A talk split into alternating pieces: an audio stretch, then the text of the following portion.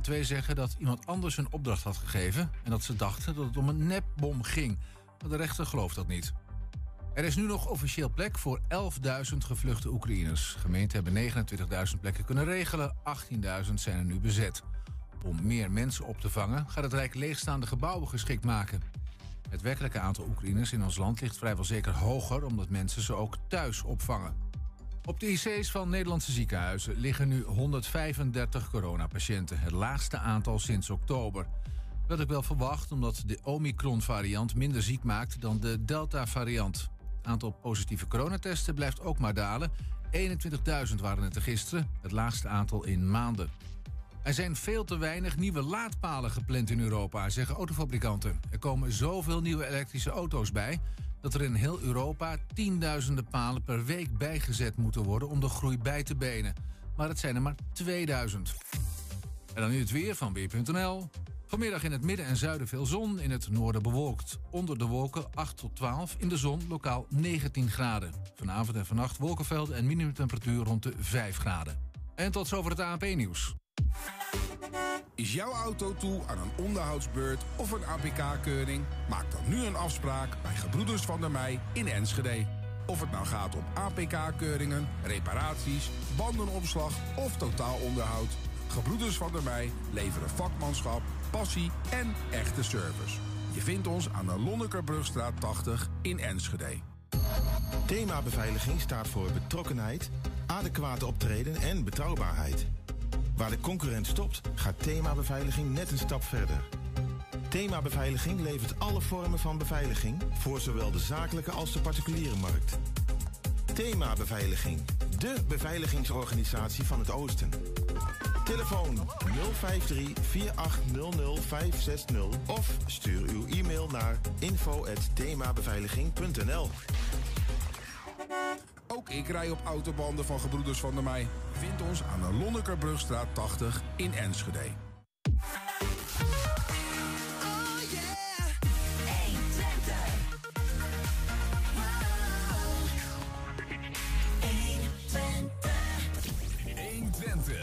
Weet wat er speelt in Twente. Gaan we gewoon even opnieuw doen. Ja, het is, echt, het is ik heb dit volgens mij al tien keer meegemaakt sinds dat we een nieuw radiosysteem hebben. Ingewikkeld? Nee, nee, maar dan moet je wel uh, even het mengpaneel aanzetten. Oh, oké. nou, we gaan gewoon beginnen. Pakhuis Oost organiseert bijeenkomsten over de toekomst van Twente. Ja, een bijzondere uitvoering van de Matthäus Passion in het Wilming Theater. Woensdag opent die en zometeen hier al een sneak preview van de nieuwe megabouwmarkt Hornbach in Enschede. En Iris uit Hengelo en Mees uit Haaksbergen gaan naar de landelijke finale van Kunstbende. Het is maandag 28 maart. Dit is 120 vandaag. 120. 120 vandaag. Iris Wilms uit Hengelo en Mees Broekhuis uit Haaksbergen dansen al jaren samen. En dat betaalt zich nu uit dankzij een plek in de finale van de Kunstbende eind juni in Amsterdam. Die finale behaalden ze afgelopen zaterdag tijdens de provinciale voorronde in het Zwolse Hedon. En we hebben hen beiden aan eh, de Zoom. Goedemiddag, Iris en Mees. Goedemiddag. Ja, we, we, praten met jullie via een uh, internetbelverbinding, want, want jullie zitten op school, heb ik begrepen, in Arnhem. Ja, klopt.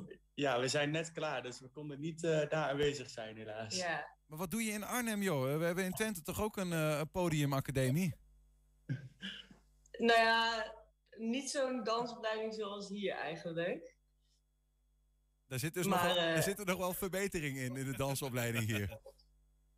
Ja, ja, ja eigenlijk wel. Ik, kan, ik, kan, ik, kan, met alle zekerheid zeggen dat ik daar ook uh, een paar pasjes heb gemaakt, Niels. Oké, okay, jij wel. Ja, ik wel hier ja, in Twente. Ja. Nee, maar, maar niet goed, zo goed als zij. Wellicht komen we er nog wel op. Maar laten we even beginnen met, uh, met jullie te feliciteren. Jullie gaan naar de landelijke finale, hoor. Supergoed. Ja, ja dankjewel. Ja, de, hoe, uh, hoe blij zijn jullie op een schaal van 0 tot, uh, tot 10?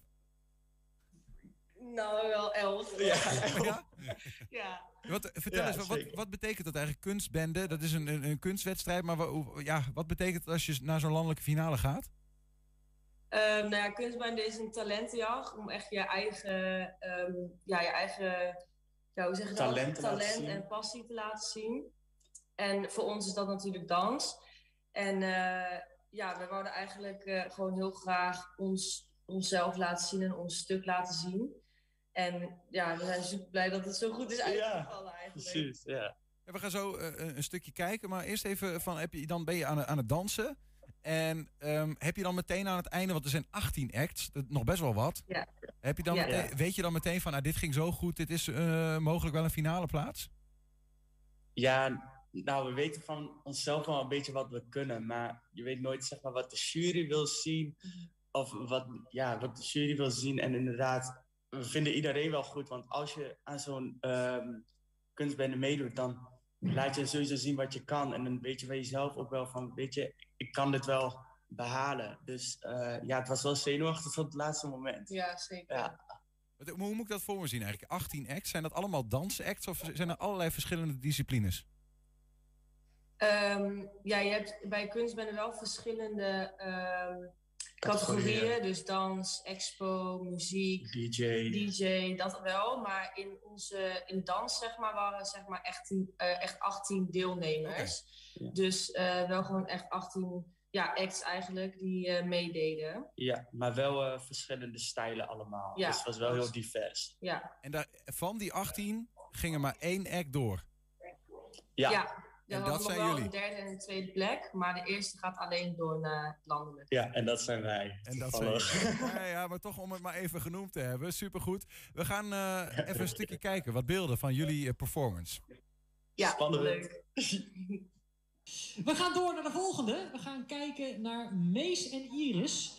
En zij, kijk, daar zitten de fans. Helemaal goed. Eh, hun stuk heet Finding a Way. Applaus.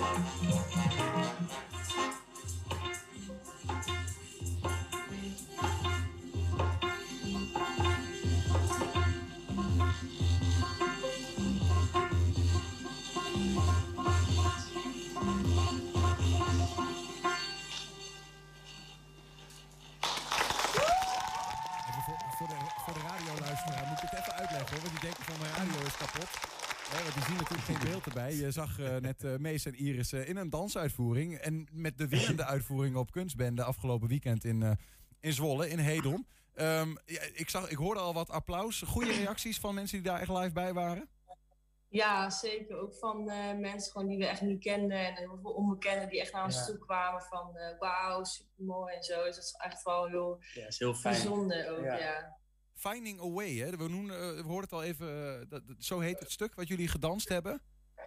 Ja, Ja. zeker. Wa- wa- wa- wat moet ik daarbij voorstellen? Dat je samen dansen de weg naar de uitgang vindt of zo? nou ja, eigenlijk is het gewoon een verhaal over ons eh, dansproces samen. Ja. Want we kennen elkaar best lang, maar ehm, altijd hebben we, ja, we dansen wel met elkaar, maar nooit echt een duo samen. We zagen elkaar wel, maar nooit echt direct contact gehad met elkaar via dans. Dus ehm, dat wouden we eigenlijk uitbeelden, ons proces daarmee. Want de laatste paar jaren, ook omdat we nu op school zitten met elkaar en omdat we veel closer worden met elkaar, hebben we dat gewoon proberen uit te beelden door dans. Dat die connectie steeds eh, groter werd en dat we steeds meer met elkaar durfden te doen. Dus daarom zie je ook heel veel in een stuk samenspel eh, voorkomen. Ja. Dus we vinden eigenlijk een weg met elkaar Als je, als van dans. even een klein stapje terug hoor. Want jullie, jullie ehm, eh, eh, eh, zitten nu samen in Arnhem op school. Eén van jullie zit Ja. in het eerste leerjaar. Wie is dat? Ja, dat ben ik. Ja, en en, en eh, Iris zit dan in het derde leerjaar, geloof ik. Ja, maar klopt. Dat, maar dat, dat is nu. Maar dat, het begon eerder ehm, bij eh, X-Dance Ja, Ja, bij de dansschool zelf inderdaad. in, ja. in Hengelo. Hoe, oud waren jullie toen je elkaar daar eh, ontmoette? Zo, Ik denk ehm, elf of zo. ja, Tien, elf, twaalf, tien, ja, zoiets. Elf, twaalf, zoiets. ja. Dat is nu een jaar of zes, zeven, acht geleden. Ja, Ja. zes, zoiets. Ja. Zes, zeven jaar. Ja. Ja. En dan eh, dansten jullie toen nog hetzelfde? Want nu hebben jullie allebei verschillende disciplines. Hè? Meesja danst urban. En Iris Ja. dans meer eh, show? Ja, precies. Ja, ja Ehm. de, de, de, de, opleiding, de opleiding die ik doe, die heet Show Allround. En Allround houdt wel echt in dat we echt alle stijlen krijgen. Maar Mhm. ehm, ik ben ook wel echt wel een urban persoon, zeg maar. Dus het is, ik ben eigenlijk een beetje mix.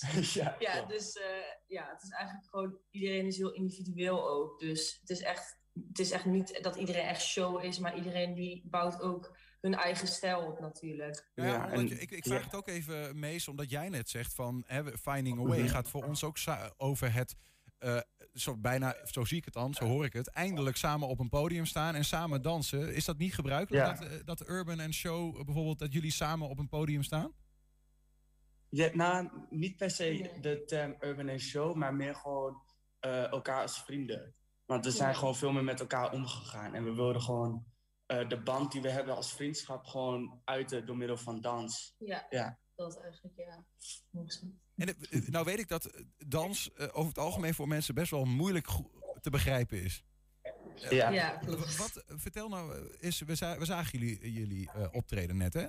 Waar kijk Mhm. ik nou eigenlijk naar waarin jullie dan dat proces uitbeelden? Waar, zien we dat in een bepaalde beweging? Of zien we, hoe, waar- hoe moet ik daar eigenlijk naar kijken, naar dans? Ja, dat snap ik. Ehm, ja, daar hebben we eigenlijk wel tijdens het proces van het maken van eh, deze dans goed over nagedacht. Want we beginnen eigenlijk heel individueel. We zijn eh, niet echt aan elkaar eh, vastgeplakt, om het zo maar te zeggen. Ehm, we doen dingen samen, maar het is ook weer een beetje op afstand gehouden. Ja, Dus je ziet wel dat er iets is, maar we komen nog niet echt ehm, samen tot één weg. ja. En op het einde zien we veel meer dat we met elkaar bezig zijn en dat we elkaar echt sturen eh, met de bewegingen die we maken. Dus dat laat dan, dan eigenlijk de connectie zien die dan zo sterk is dat we elkaar kunnen aansturen om dingen te doen. ja, die opbouw, als het goed is, is dan, zie je Ja. heel Ja. goed. En dat jullie nou naar die finale gaan, is dat nou verdienste van de dansschool X-Dance of van jullie dansschool in Arnhem? Of van jullie zelf?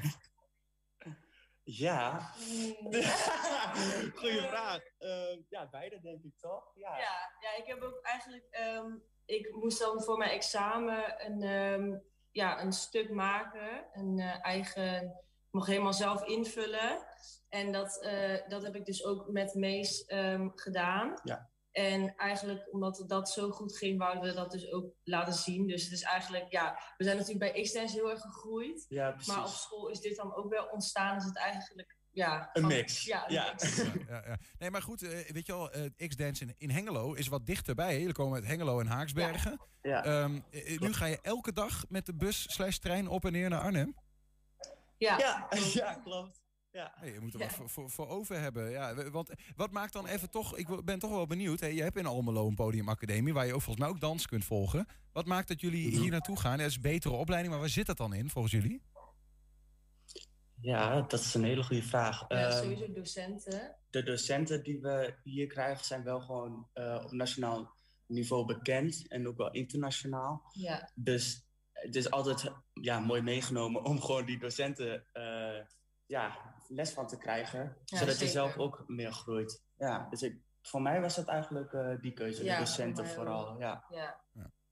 De, de- straks eh, is Iris al klaar, volgens mij, over een paar maanden... eh, met de opleiding in Arnhem. Ja, klopt. Jij mag nog of moet nog twee jaar, hoe je het ook wil zien. ja, klopt. Wat, Ja. is, wat is eigenlijk... Hebben jullie eh, plannen om echt in de dans verder te gaan? Ja, zeker. Ja, Ja. sowieso. Ja, ik, ja, voor mij is het gewoon na deze opleiding. eh, ja, ik ben natuurlijk net begonnen. Maar ehm, ik wil wel gewoon dit liefst het werkveld in. Ja, met ook. dansen. Gewoon na deze opleiding al. Gewoon kijken hoe ver ik kan komen. En daar ga ik natuurlijk alles aan doen. Want ja, dit is gewoon wat ik wil doen. En ik heb geen zin Ja. in een eh, andere opleiding eigenlijk dan Ja, dans. dans. We willen wel zeg maar echt ons beroep van dans maken. Ja, echt. Ja. Is het denkbaar dat jullie eh, voor, voor immer samen op een podium eindigen? Of is dat niet de bedoeling? Oh ja, dat kan Ja, zeker dat kan wel zeker wel gebeuren, gebeuren. ja. Ja. Gewoon een duo Ja. vormen? Nou ja, we gaan in ieder geval kijken hoe haalbaar het eh, in ieder geval is. Eh, eh, Overijssel hebben jullie al overtuigd. Eh, nu Ja, over de rest van, eh, van Nederland. Eh, wat is het? 26 juli eh, in Ja. Amsterdam, de finale. Waar is het in Amsterdam? Oh, Oh. hoe is het ook alweer? Ja, ik, ik heb het in mijn hoofd. Zoeken we even op, maakt niet uit. Ergens een, een podium in Amsterdam. Doen jullie dezelfde act eigenlijk of maken jullie iets nieuws?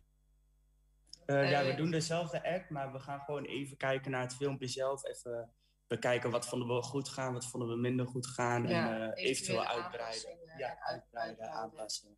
Ja. Kijk.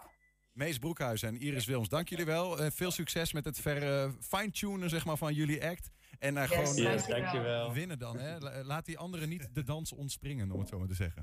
Oh, mooi Niels. Ja, komt goed. Oké, hey, doei doei.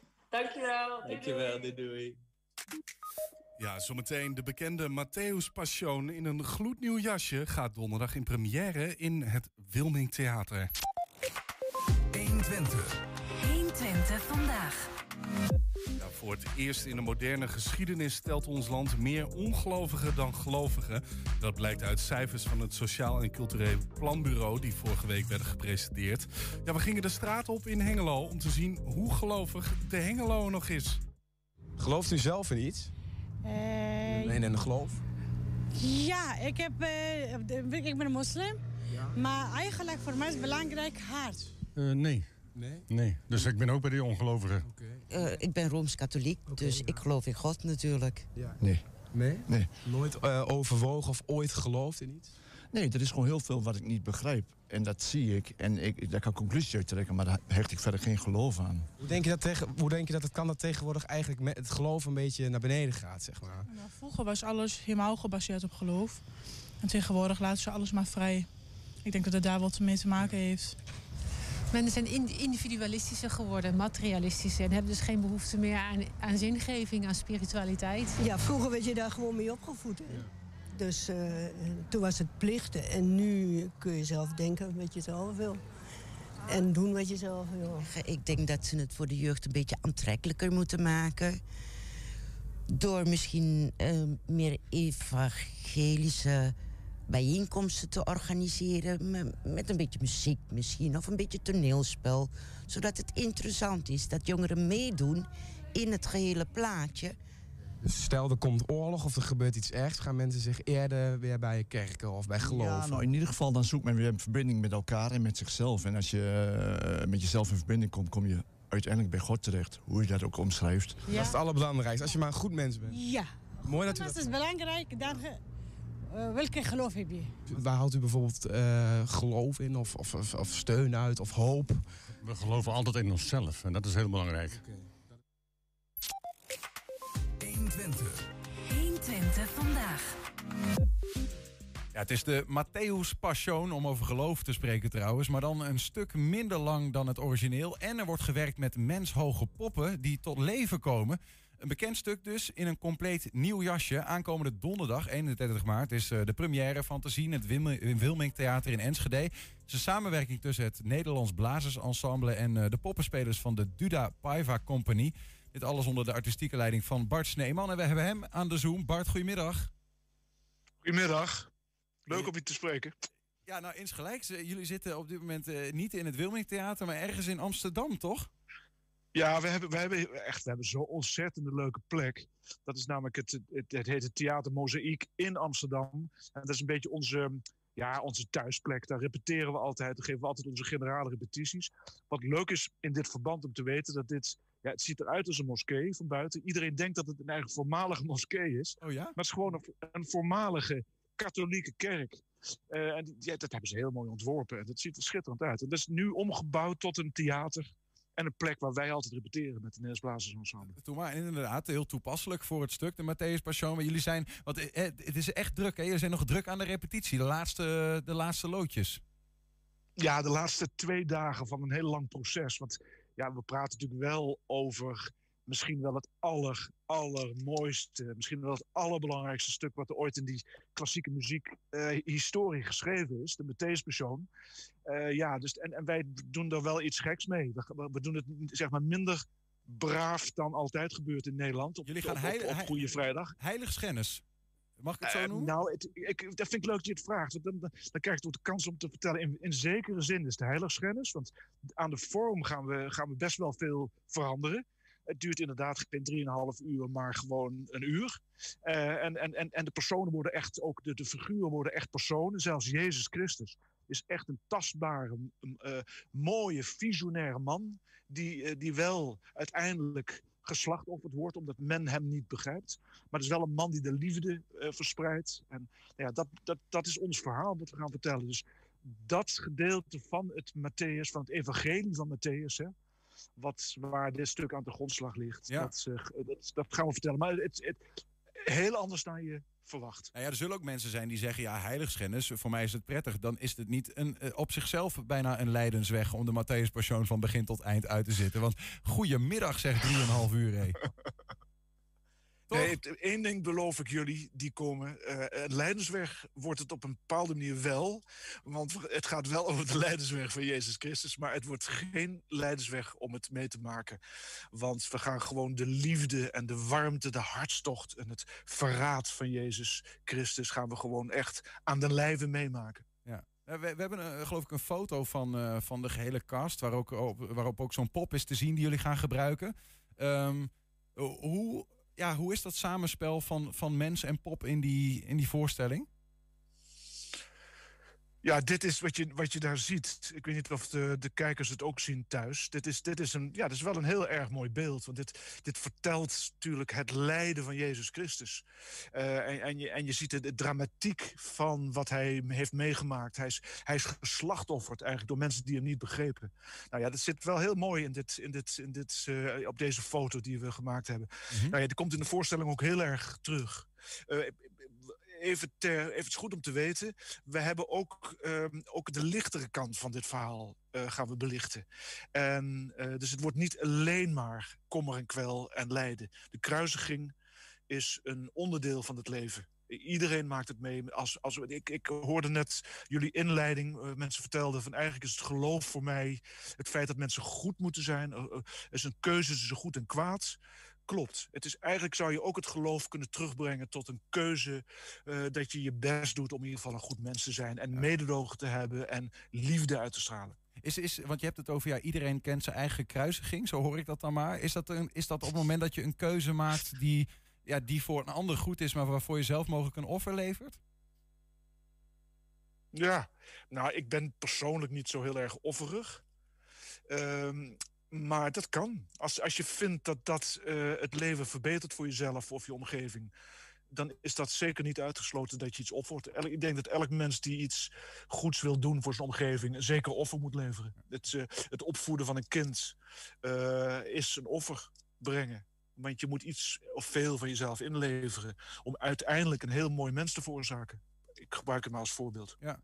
Is het, betekent dat ook dat je in die voorstelling, want je maakt het, ehm, maar correct me if I'm wrong, zeg maar, wat eigentijdser, wat minder lang. Misschien hebben mensen wat minder lange spanningsboog. Je brengt poppen erbij. Ga je het verhaal ook in die zin een beetje meer naar deze tijd trekken? Nou, ik ga natuurlijk niet verklappen wat we allemaal gaan doen, maar, maar, inderdaad, wat je zegt klopt. Het, het wordt heel erg eigentijds. Niet zozeer eigentijds dat er eh, auto's, eh, Formule 1, eh, rappers zijn, maar het tastbare van het verhaal, het menselijk zijn van het verhaal is echt naar deze tijd getrokken. Iedereen zal zich ongetwijfeld gaan herkennen in de figuren die in dit verhaal een grote rol spelen. Wa- waarom eigenlijk? Waarom deze verandering van de Matthäus Passion? Ja, dat, ik vind het echt een supergoeie vraag. Want dan kun je inderdaad jezelf afvragen. Want op zich is het een hartstikke mooi ding.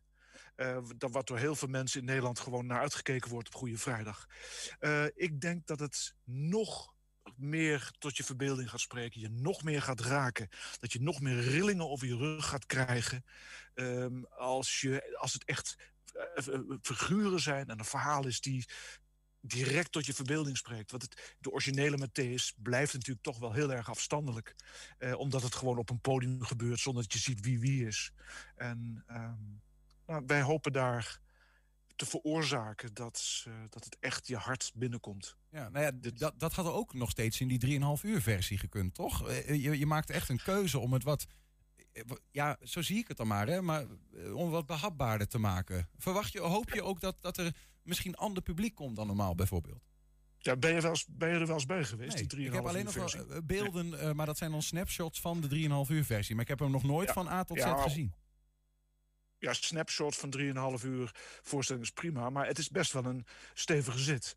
Eh, want Bach heeft dat grandioos gedaan. Geniaal zou je kunnen zeggen. Maar het is natuurlijk wel bedacht in die 17e eeuw. En het is wel bedacht als eer aan God. Het is echt een geloofsbeleidenis. Een geloofsbeleidenis die wij vandaag de dag niet zo voelen. Niet, ik denk dat heel weinig mensen het echt letterlijk die geloofsbeleidenis zo willen meemaken. Dat is van die tijd helemaal logisch. Want Bach heeft het ook echt bedacht om zijn. Om, om een cadeau te krijgen dadelijk van Bach, dat hij er helemaal in moest. Hij- Het was voor hem echt een geloofsbeleidenis. Van God. Drieënhalf uur de, het, het evangelie van Matthäus vertellen.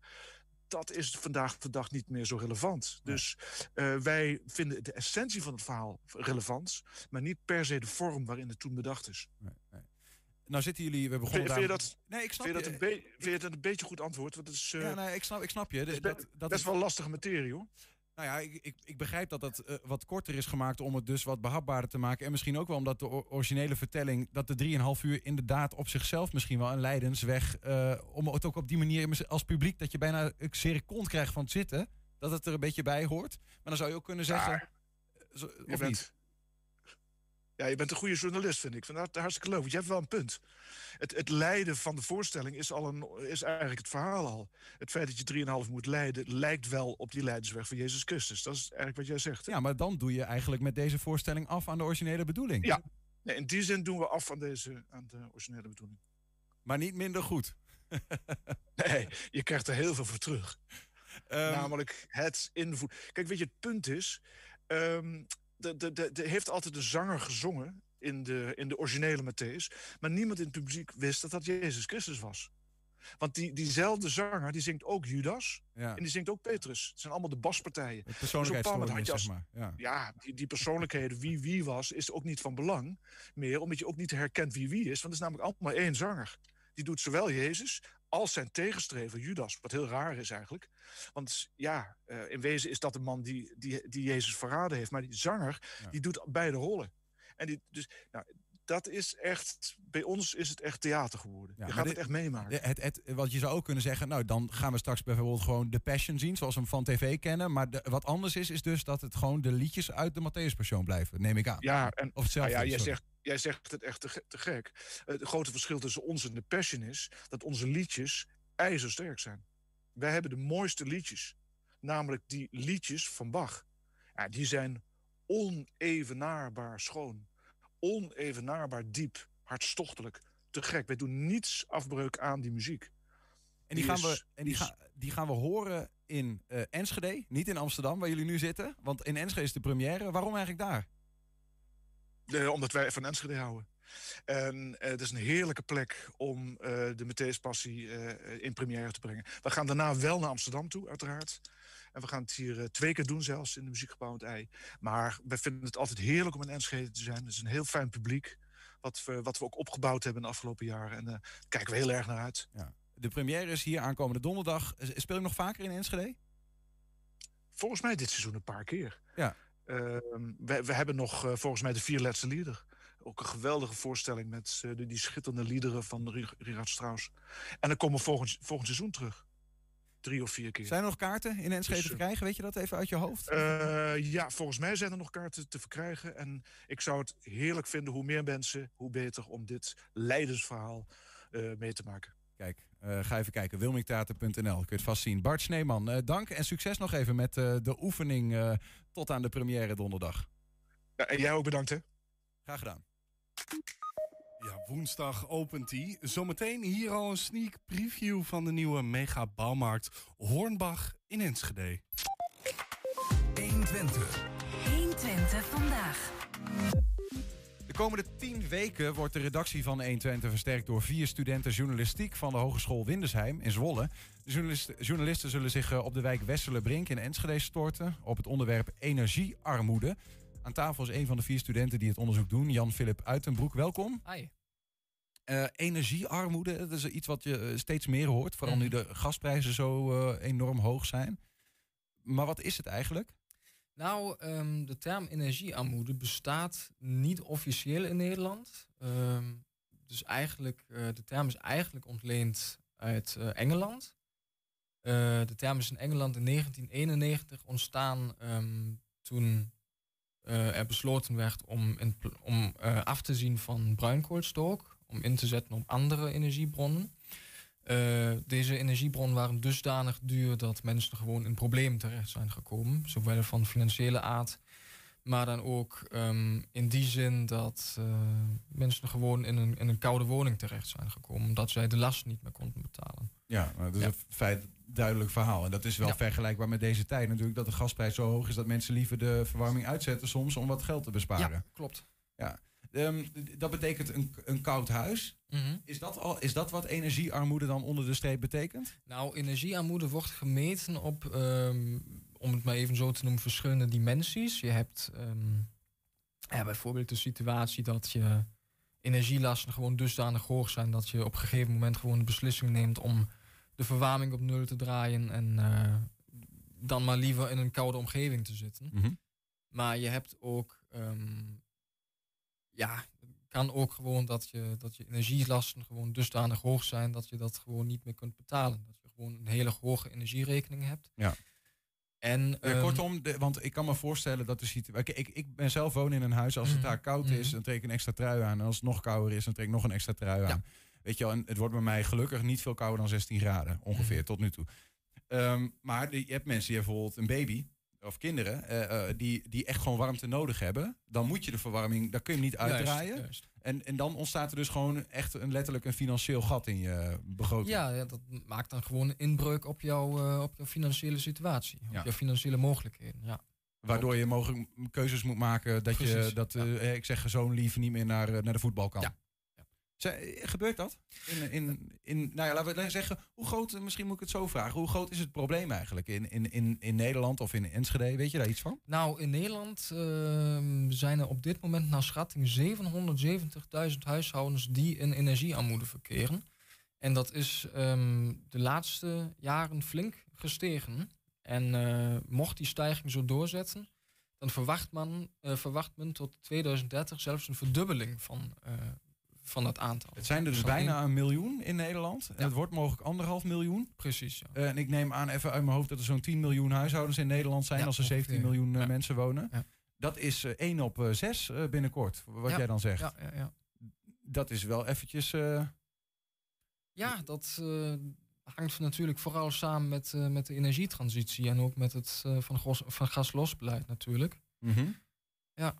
Nou ja, de- mensen zullen, sommige mensen zullen zeggen, ja, we moeten juist aan, het- eh, aan het gas blijven, om het zo maar te zeggen. En, en gewoon zorgen dat, het, eh, dat Groningen wordt... eh, Die opvattingen zijn er zeker, ja. Eh, dat dat wordt, wordt, wordt opengetrokken en dat we zoveel mogelijk eigen gas gaan produceren. in plaats van afhankelijkheid van anderen. Zeker nu, eh, zeker nu ehm, tegen de achtergrond van het Rusland-Oekraïne-conflict Ja. ehm, en de geopolitieke afhankelijkheid van Rusland, zijn er stemmen die dat, eh, die dat beweren, dat dat de juiste stap zou zijn. Ja, inderdaad. Even eh, terug naar onze eigen leefomgeving, hè, heel lokaal. Jullie komen overigens als studenten uit Zwolle. Mhm. Ja. Eh, en jij komt zelf persoonlijk zelfs uit eh, een beetje het meer richting zuiden van Nederland en dan aan de Duitse kant Ja, van de grens. klopt, ja. Dus, maar we doen het onderzoek in Enschede. Mhm. hoe, hoe ver speelt het hier eigenlijk? Nou, wij hebben toen wij met dit onderzoek zijn begonnen, dit project zijn begonnen, hebben wij verkennend onderzoek verricht naar de situatie in, eh, in Enschede. Excuseer. Ehm, in het kader daarvan zijn wij eigenlijk op meerdere onderzoeksrapporten gestoten, onder andere van het TNO, maar ook van het, sorry, van het CBS. Ehm, waaruit dus bleek dat eh, de situatie in Enschede zeer eh, moeilijk is. En dan met name in Enschede Zuid, waar Wesselenbrink onder valt. Wesselenbrink is de wijk ehm, die wij de komende tien weken nader gaan onderzoeken. Dus het probleem in Enschede Zuid is aanzienlijk. Maar valt, Ja. daar, valt daar nog iets over eh specifieker te zeggen? Hoe... Zeker, zeker, zeker. Het is eh, een van de slecht scorende gebieden op de energiekaart van de TNO. Dat is eh, Over heel Nederland over gezien. heel Nederland gezien, ja, absoluut. En wat gebeurt er dan specifiek? Want we noemden net al even misschien het zoontje wat niet op de voetbal kan omdat anders het huis niet warm genoeg is. Ja, kennen we specifieke situaties? Hebben jullie daar al iets van in kaart? Ja, wij zijn eh, naar de wijk geweest. Wij eh, zijn met mensen in gesprek gegaan over het onderwerp. Ehm, en wij hebben van één mevrouw eh, daadwerkelijk te horen gekregen dat zij de verwarming dichtdraait. Omdat zij dermate last heeft van, eh, van de stijgende energiekosten dat zij dat financieel gewoon niet op kan kroppen op dit moment. Ja. Ja. Maar ja, goed, op het moment dat iemand een extra trui aan kan trekken, en dat is ook vervelend. Mhm. Maar kan ik me ook voorstellen dat je zou zeggen, ja, eh, hè, dan, dan is dat maar even zo, hopelijk even. Maar wat is de. Hebben jullie ook al situaties gehoord van mensen die. waarvan je echt zegt, ja, maar die extra trui kan ik wel aantrekken, maar mijn, mijn kind niet bijvoorbeeld, of wat dan ook. Of, of ik kan hem niet aantrekken, of wat dan ook. Nou, dat zijn wij ehm, op dit moment tot, eh, tot nu toe nog niet in persona tegengekomen. Hoe lang zijn jullie bezig? We zijn nu eh, sinds een stuk van zes of acht weken bezig met verkennend onderzoek. Ja, ja, ja. ja. ja. Ehm, maar dat- je kunt gewoon constateren dat die, die ehm, gevallen er wel degelijk zijn. Hè. Het duikt wel degelijk op in de media dat... Ik had laatst eh, had ik iets gelezen een ander medium... eh, over een vrouw die eh reuma-klachten heeft, die- die last van reuma heeft... en die dus ook in een koude omgeving eh, moet leven. Omdat zij de financiële last niet kan dragen. En, ehm, En dat gaat niet, een koude ja, omgeving. zij en geeft gewoon aan dat haar klachten gewoon vele malen erger worden door het leven in deze koude, koude omgeving. J- jullie, jullie willen volgens mij graag achter die verhalen komen, toch? Zeker. Van in hoeverre dat in Absoluut. Enschede, in de Westerlebrink of in die Zuidwijken speelt. Mhm. Dat is jullie onderzoeksgebied. Lijkt mij een vrij lastige eh, klus. Even een kijkje achter de schermen. We werden vrijdag gebeld door de redactie van Nieuwsuur. Die hebben daar toen een item over gemaakt. Ehm, eh, toen heb ik gezegd, nou, ik zal eens even kijken. Hier zijn wat belangenorganisaties. Hè, Diaconaal Platform Enschede, eh, Sociaal Hart. Ehm, en ik, die hebben we gebeld om te vragen, kennen jullie mensen? Want Nieuwsuur zoekt mensen die hè, last hebben van de energiearmoede. Maar dan is de reactie die die platforms ge- geven is... ja, die mensen kennen we wel, maar hun verhaal gaan ze waarschijnlijk niet delen. Want er he- heerst een enorme schaamte. Hoe, hoe komen jullie erachter dat iemand eh, daar last van heeft? Nou, ehm, zoals gezegd, we zijn gewoon ehm, ja, nu al een aantal keren in de wijk ingedoken en eh, in gesprek gegaan met mensen. En ehm, wat ik persoonlijk kan constateren is dat mensen vaak in de persoonlijke omgang, van persoon tot persoon, redelijk open zijn over de kwestie. Ehm, maar zodra ehm, ik of een van mijn collega's dan de vraag stelt: zou u ons te woord staan voor een productie of voor een item? Dan, eh, ja, dan eh, krijg je daar toch negatieve respons op. Ik heb zelfs eh, afgelopen week te horen gekregen van... ik denk niet dat jij hier drie personen vindt die hierin mee willen. Dus dat is wel zeker een obstakel. Maar Hoe, hoe kun je die mensen geruststellen? Want je zoekt ze wel. Hè? En ik denk Mhm. dat eh, het gesprek wat wij hier hebben... is ook deels een oproep van... Hey, jullie willen in contact komen met die Mhm. mensen, toch? Ja, absoluut. Wat kun je doen om, eh, om toch hun verhaal te vertellen? Want uiteindelijk eh, neem ik aan dat je iets met die verhalen wil. Nou, we hebben een flyer gemaakt. Die flyer hebben we uitgedeeld afgelopen week. In een flat, maar ook in het winkelcentrum. Eh, in het buurthuis zijn we ook geweest, in Enschede Zuid. Ehm, gewoon met een kort oproepje van... eh, als jij aangrijpende, eh, urgente of ander soort verhalen hebt over het onderwerp... neem dan contact met ons op. En Eén ding wat wij ook gewoon voorop stellen is dat het volledig anoniem kan. Het is niet wenselijk, natuurlijk. Ja. Maar als de, als de schaamte dusdanig groot is dat mensen niet met naam en toenaam genoemd willen worden, dan mag het ook gewoon volledig anoniem. Wat ons om gaat is in eerste instantie eh, nou ja, in kaart te brengen wat het met mensen doet. Wa- waarom eigenlijk? Is dat, is dat een ter sensatie van, eh, van Nee, de rest? Of wat, niet. Maar wat wil je ermee? Wat, wat is, heeft het een soort van, wil je de politiek eh, bereiken met je verhalen? Wat, Nou ja, ook ja, het is, het is eh, om, om jouw vraag te beantwoorden. Het is een onderwerp dat op maatschappelijk vlak zo groot is dat nou ja, die mensen verdienen het gewoon dat hun stem gehoord wordt, denken wij.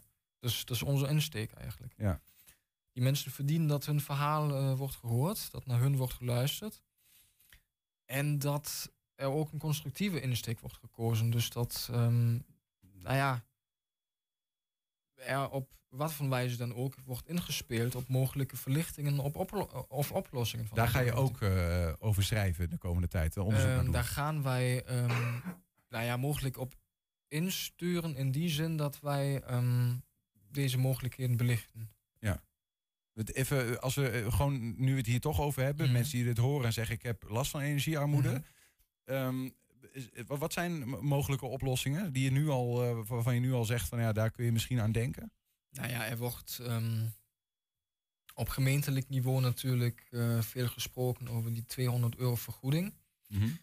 Ehm, wij hebben afgelopen week met een aantal hulpverleners gesproken, waaronder van het leger des Heils. En ehm, de, de common sense mening die we daar zijn tegengekomen was eigenlijk, dat, dat, dat is allemaal leuk en aardig, maar het is wel een druppel op de hete plaat. Ook Dus, die 200 euro. Ja, ook de- er is inmiddels ook, als ik het goed heb begrepen, sprake van misschien aanvullende 600 euro. Ehm, maar de common sense opvatting was eigenlijk dat is een druppel op de hete plaat. Ja, waarvan ik over- overigens ook begreep eh, van het energiemeldpunt in Enschede, waar Mhm. mensen naartoe kunnen, van Alifa is dat. Als je last hebt kun je daar melden. Eh, dat die zeggen, we krijgen nu ook veel vragen van mensen die die 200 euro niet krijgen, terwijl ze wel in de problemen zitten. hè. Die 200 euro eh, gaat naar mensen die in beeld zijn bij de gemeente, als bijvoorbeeld iemand die afhankelijk is van de bijstand, eh, maar niet voor naar mensen die bijvoorbeeld een via-uitkering krijgen of eh, in de schuldsanering zitten. Eh, dus, dus daar schijnt beleidstechnisch heeft de gemeente daar ook nog wel moeite mee. Maar daar staan ze ook een beetje met de rug tegen de muur, omdat het Ja, weer ja, rijksoverheidsbeleid is. Dus zijn dat dingen waarvan jullie ook eh, zeggen van die, die willen we eigenlijk in kaart brengen? De, Zeker. De, ja, Ja. De, de scheefheden in het beleid en de dilemma's? Zeker. Ja. Ja. Hoeveel tijd ga je bezig met het onderzoek? Ehm, de komende tien weken. Of ja, negen en een half. Dus de, de komende tijd, eh, als mensen ehm, zeggen van ik woon in Enschede eh, en misschien wel zelfs in Enschede Zuid Mhm. en ik heb ehm, ja, last van energiearmoede. Ik woon in een koud huis omdat het niet anders kan op dit moment. Eh, waar kunnen ze terecht? Ehm, ja, basically bij in Twente. Als wij, eh, ja, als er mensen zijn die eh, hun verhaal kwijt willen over die hele kwestie, dan is het belangrijk voor ons als wij met die mensen in contact kon- kunnen komen. Ja. Ja. Ja. Nou, dus stuur een bericht naar ons. Dat kan bijvoorbeeld via wij, in- hebben info ook, at 120.nl. wij hebben ook een eigen e-mailadres aangemaakt, maar Ja. die weet ik eerlijk gezegd even niet uit mijn hoofd. Dat Nou, een zetten we in het artikel eventueel erbij. En anders dan eh, ma- mail naar info.120.nl. Dat kan altijd. Jan-Philip Uiterbroek, dankjewel en succes met jullie onderzoek. Bedankt. Bedankt. Ja, en over die info 120 gesproken. Als jij dus ook nog een andere tip hebt, dan kun je altijd even mailen op datzelfde mailadres. Dat is info 120.nl. Wil je even met ons in gesprek gaan over een leuk onderwerp, kun je ook altijd bellen via 053 432 7527. Ik zal het nog even één keer herhalen. Dat is 053 432 7527. 120. 120 vandaag. Van schroefjes tot planten en van lampen tot hele badkamers. En zelfs vissen. 17.000 vierkante meter winkelruimte met 120.000 soorten artikelen, 430 parkeerplaatsen en een drive-in. En wat niemand ziet, maar er wel is, op het dak liggen 3000 zonnepanelen die zorgen voor alle benodigde elektriciteit in de vestiging. Woensdag opent die en vandaag trakteren wij, trakteren wij alvast op een eh, sneak preview. Dit is de Hornbach in Enschede.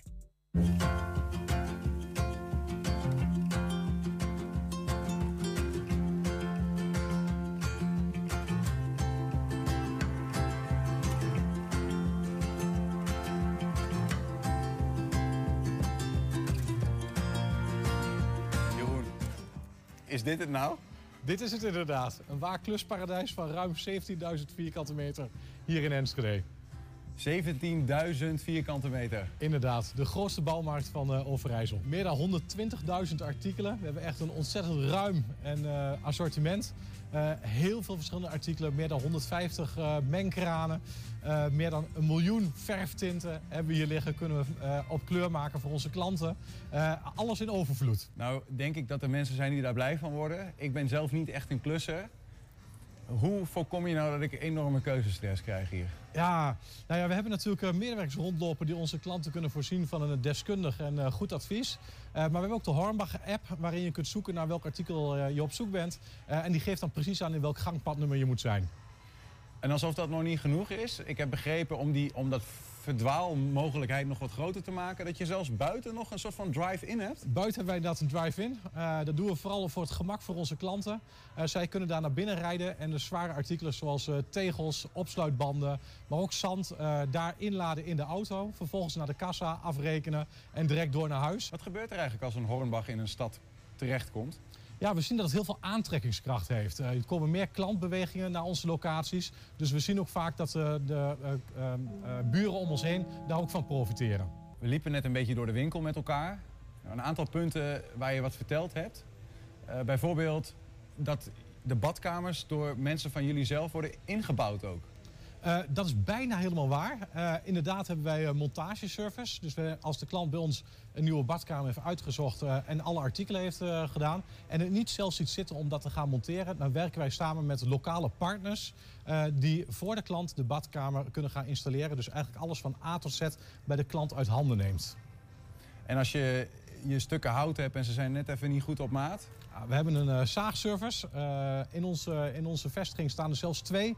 Uh, waar we alles op maat kunnen laten zagen voor onze klanten. Van hout, plaatmateriaal, noem het allemaal maar op. Zelf ook wel interessant vond, we stonden even bij die schroefjes. Nou, daar krijg ik dus echt het zweet van in mijn rug. Hè, van hoeveel soorten schroefjes er zijn. Ja. Maar je hoeft niet per se zo'n bakje te halen hier als je één schroef nodig hebt. Ja, klopt. Als jij voor je klus net dat ene schroefje nodig hebt, dan verkopen wij die ook gewoon per stuk. Zodat je niet heel pakje hoeft af te nemen. Ben je er verder helemaal klaar voor? Ja, we zijn uh, vandaag bezig om de laatste puntjes uh, op de i te zetten. En woensdag om 7 uur gaat de openingshandeling verricht worden met de burgemeester. En dan uh, ja, zijn wij klaar om heel Enschede omgeving te voorzien met alle artikelen die wij te bieden hebben als Hoornbach. Veel plezier. Dankjewel. 120. 120 vandaag. Hoe ziet de toekomst van Twente eruit? Onder de noemer Panorama Twente organiseert Pakhuis Oost de komende tijd zes bijeenkomsten over zes verschillende onderwerpen. Maar de rode, draad is duidelijk, dat is namelijk de toekomst van Twente. En bij ons is uh, Maarten Witteveen, voorzitter van Pakhuis Oost. Maarten, welkom. Ja, dankjewel. Goedemiddag. Ja, leuk om je een keer aan tafel te hebben. Ja, loop um, je wel vaker en dan... Nou, precies. hier kom ik nooit. Pakhuis Oost, die, die, uh, nou ja, die zien wij regelmatig als naam rondzweven, ook rondom onze producties. Uh, maar wat is het eigenlijk? Nou ja, Pakhuis Oost is een, uh, een initiatief van een aantal vrijwilligers... die ehm, van mening zijn dat je met gewone normale mensen... eh, allerlei plannen die van belang zijn voor Twente... dat je die zou moeten bespreken. En dat heeft te maken met het zorgen voor meer draagvlak. Dat heeft te maken met de gedachte dat uh, hele gewone mensen hele zinnige dingen kunnen zeggen over uh, onderwerpen die normaal door uh, bestuurders en, en, en bedrijven worden. dat zijn die on on ongewone mensen, zeg maar. Nou ja, dat zijn ook gewone mensen, maar dat zijn vaak ehm, specialisten. Mensen die heel erg ehm, ook wel te maken hebben met een achterliggend belang van uh, of een bedrijf of, uh, of een organisatie. En uh, gewone mensen krijgen daar ook mee te maken. En die zouden ook een stem moeten hebben daarin. Wat zie je gebeuren tijdens bijeenkomsten van Pakhuis Oost dan? Nou, wij hebben verschillende formats voor zo'n voor zo'n bijeenkomst. En er zijn ook heel veel onderwerpen die, die, die inmiddels behandeld zijn. Ik denk dat we iets van 80 bijeenkomsten hebben georganiseerd al. En niet alleen in Enschede, maar in heel Twente. Hè. We hebben in Hengelo gezeten, in Dink Dinkelland, in Tubbergen, nou echt overal. Um, maar wat je ziet op zo'n bijeenkomst is dat er eigenlijk meestal een, uh, een, een inleiding is van uh, iemand die weet wat het over gaat. Uh, die schetst zeg maar de context en het onderwerp.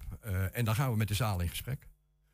dus je ziet vaak dat, dat, dat mensen dan ehm, ja, slimme ideeën hebben om een probleem op, te pakken. Of een, een, een zienswijze in één keer van de andere kant die nog nooit op die manier naar voren is gekomen. Lukt het om, om, om dan de gewone mensen uh, daar naartoe te krijgen? Want ja, ik heb toch het idee, hè, als wij hier uh, debatavonden hebben of wat dan ook. Ja, dat het toch ook wel vaak, zoals we zeggen, in-crowd is. Hè? Dus de, ja, het is, er is een klein groepje mensen dat is betrokken, maar het is dan meteen ook vaak politiek actief of bestuurlijk actief. Ja, ja. Da dat, is groot, dat is een groot probleem. en daar moeten we een oplossing voor vinden.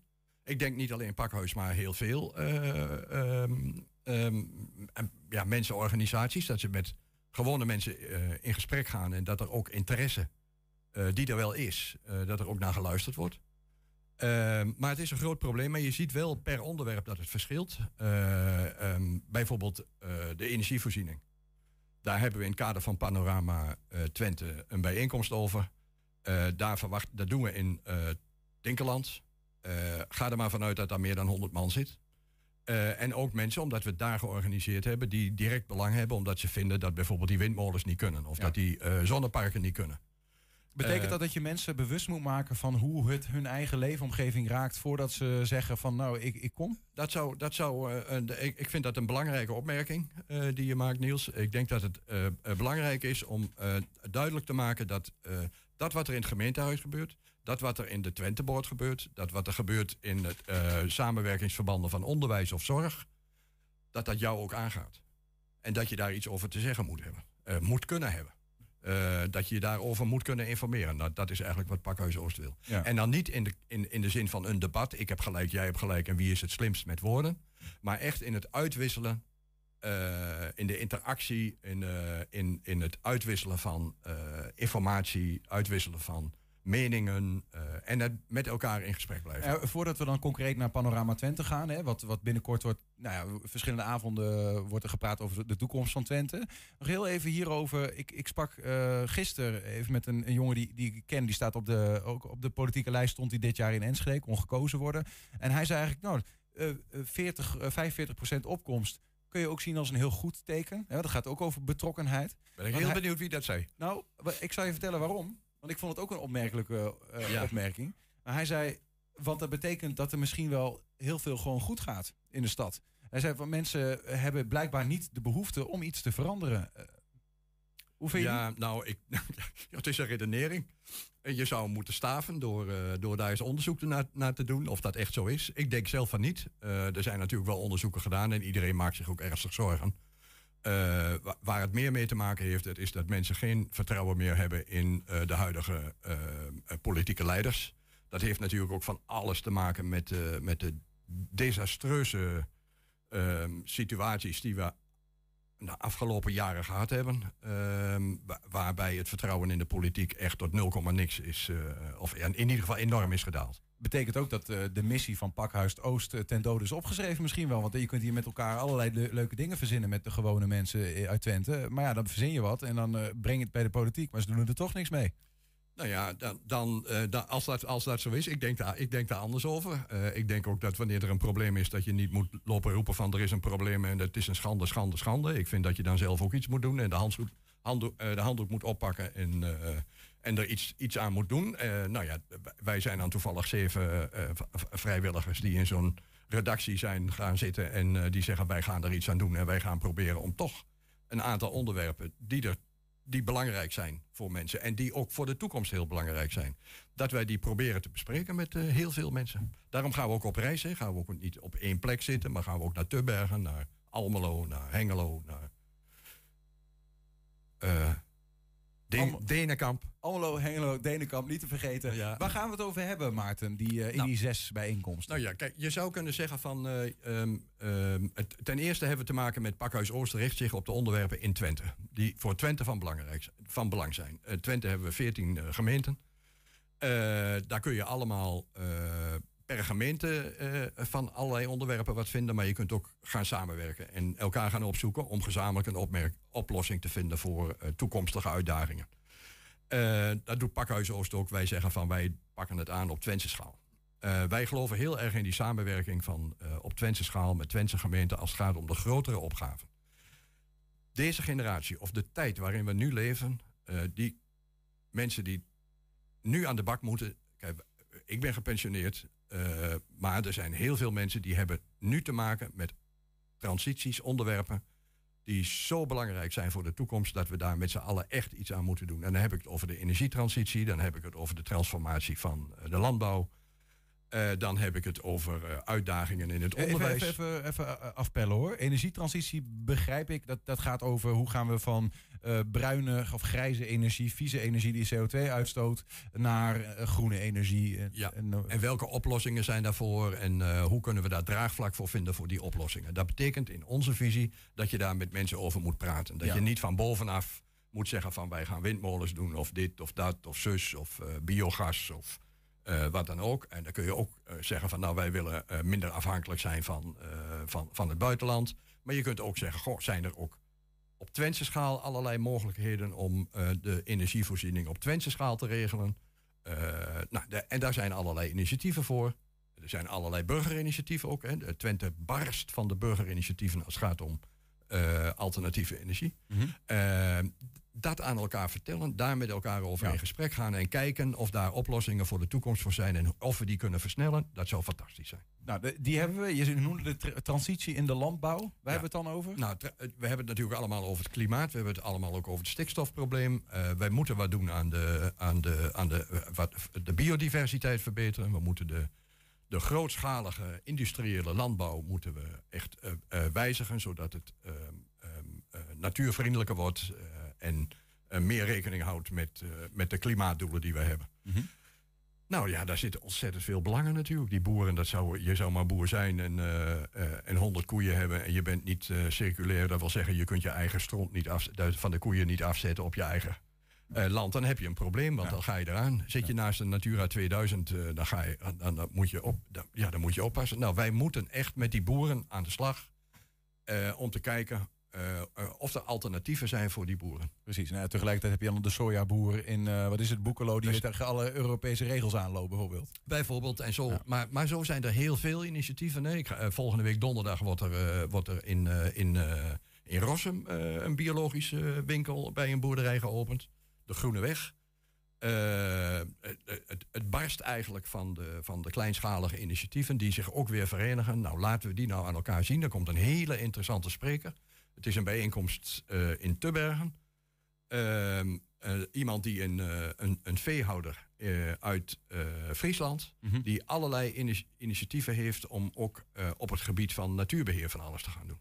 Nou, dat opent natuurlijk hele mooie mogelijkheden voor transities voor boeren die aanliggend zijn voor bij eh, Natura 2000 gebieden. En er zijn er nogal wat in Twente. We, we hebben de energietransitie, landbouwtransitie, wat hebben we nog meer? Want er zijn er zes. Nou ja, we hebben eh, eh, onderwijs, dat is de derde. Eh, onderwijs, hoe, hoe gaan wij ons onderwijs inrichten, met name voor jongeren? En wij hebben ervoor gekozen om het onderwerp ehm, eh, tweedeling in de samenleving. Het is duidelijk dat sommige mensen, sommige kinderen veel meer kansen hebben dan andere kinderen. En als je veel kansen hebt en je bent ook nog slecht in school, dan kun je ook nog allerlei bijsperken, cursussen krijgen van je ouders. En er zijn heel veel kinderen die dat niet hebben. Wij hebben ons afgevraagd of het onderwijs ook kan bijdragen aan het opheffen van die tweedeling. Dus welke mogelijkheden zijn er in de toekomst dat het Twentse onderwijs ehm, eh, bijdraagt aan het opheffen van die ja, tweedeling in kansen? Ja, waar in Twente blijkbaar ook nog weer zoveel eh, verschil zit. Dat eh, de, de kansengelijkheid, als iemand in Tubbergen opgroeit, een betere toekomst lijkt te hebben dan iemand die in Enschede opgroeit in, uit hetzelfde milieu. Dus dat is ook wel weer interessant, ook op onderwijsvlak. Ja, er, zit, er zijn heel veel tweede. Er zitten heel, in deze serie zitten heel veel lagen, zou je kunnen zeggen. Zowel op eh, beleidsniveau als ook eh, wa- wat mensen er zelf van vinden. En mensen vinden er zelf ook wat van, hè. Eh, la- laten we wel zijn. En j- j- jij komt nu met een onderwerp over ehm, dat mensen in Tubbergen mogelijk minder kansen hebben dan. Meer. Meer, meer kansen, ja, wou ik zeggen. Maar kijk, en dat zijn dingen die je niet verwacht. Hoe, hoe zit dat nou in elkaar? Eh, hoe kun je daar nou eh, zeg maar voor de toekomst lering uittrekken dat iedereen gelijke kansen krijgt? De, en, laten we het de zo laatste zeggen. drie? We hebben, we hebben nog nou, we drie, hebben de eh, economie zelf. Hè. De, ja. de economie, eh, de, wij, wij hebben de directeur van de Twenteboord uitgenodigd, Victor Jan Leurs. Eh, samen met Kai Morel. En Kai Morel is eh, een econoom die zich bezighoudt met, eh, met een, een, een andere vorm van, van economie, van betekenis-economie noem je dat. Dus de, de, de economie kan ander- meer betekenissen hebben dan alleen maar geld verdienen en winstmaximalisatie. Maar bijvoorbeeld ook geluk of zingeving. Die, die twee mannen die gaan met elkaar in gesprek eh, van hoe, hoe zou die Twentse economie zich nou moeten ontwikkelen. We hebben het altijd over innovaties, innovaties, innovaties. Werkgelegenheid, werkgelegenheid, werkgelegenheid. En dat zijn belangrijke dingen voor Twente. Maar wij doen het op dit moment heel erg goed in Twente. Misschien zijn er ook nog andere ehm, eh, gezichtspunten. Waar we het wat beter waar we, kunnen doen. Waar we eh, zeg maar ook naar kunnen kijken. En de Twenteboord doet het zelf ook. Hè, want de Jong Twenteboord, of de Twenteboord Jong... die heeft zich nu ook eh, gericht op het onderwerp bruto nationaal geluk. En eh, dat is eigenlijk ook al in, kijken naar meer dimensies dan alleen maar winstmaximalisatie. Helder. We hebben nog twee onderwerpen en nog één minuut. Wat verdikkie zeg. Eh, de, de, het, het belangrij- een van de belangrijkste onderwerpen is eh, ruimtelijke ordening. Van hoe gaan wij de, de, de, de beschikbare ruimte in Twente verdelen? Hè? Wat ga, waar gaan we bouwen? Waar gaan we industrie doen? Waar gaan we onze mooie natuur houden? Twente is natuurlijk, als je Twente ziet als een stad, dan is Enschede een wijk, Hengelo ook en Almelo ook. En daartussen zit enorm veel mooi groen. En dat groen moeten we behouden. En daar heb je te maken met die, met die transitie van de landbouw, maar dan heb je ook te maken met beheer van natuurgebieden. Eh, hoe ga, hoe ga, en hoe gaan we al die terreinen verdelen? Eén hoe gaan we kun je dat- maar één keer je kunt, bebouwen. Ja, en je kunt ook maar één keer, natuur kun je ook maar één keer kapot maken. En dus daar moeten we zorgvuldig mee zijn. En de laatste, allerlaatste, daar komt eh, Sander Schimmelpenning. Eh, is in het Twente-stadion. Eh, daar verwachten we echt heel veel mensen op. Eh, en dat gaat over ja, eigenlijk de, de, de, het betrekken van burgers bij het maken, bij het maken van beleid. Dat is Ja, eigenlijk. ze cirkel het ook wel een beetje rond, want daar begonnen we ook over. Daar begonnen we over en Ja. daar is de cirkel rond. Ja. Dus en, om, om dit onderwerp dan ook even af te sluiten. Je, je hoopt dus dat er zoveel mogelijk gewone mensen, Ja. zo in Twente, Enschedeërs, Hengeloers, Almeloers, Iemand die denkt, ik heb wat te zeggen over het onderwijs, kom langs. Iemand die zegt, ik heb ideeën over die energievoorziening, kom langs. Mensen die eh, een idee hebben over eh, de transformatie van landbouw, of het nou boeren zijn of natuurbeheerders, kom langs. Waar kunnen we het rustig nalezen? Eh, op de website van www.pakhuis-oost.nl. Maarten, Witteveen, Het dankjewel. was mij een genoegen, Nou, Niels. Insgelijks. Succes ermee. Ja, tot zover 120 vandaag. Terugkijken, dat kan direct via 120.nl. En vanavond om 8 en 10 kun je ons op televisie zien. Zometeen op de radio kun je hier gaan genieten van Henk Ketting met een gloednieuwe kettingreactie. Veel plezier en tot morgen. 120. Weet wat er speelt in Twente. Met nu het nieuws van 5 uur. Goedemiddag, ik ben Frans van der Beek. De politie in Brabant heeft een bende opgerold die in cocaïne handelde en geld witwaste. De vier verdachten kwamen in beeld nadat de politie versleutelde chatberichten op hun telefoons wist te kraken. Vijf woningen en twee bedrijven in Breda en Oosterhout zijn doorzocht. In Oekraïne zijn de Russische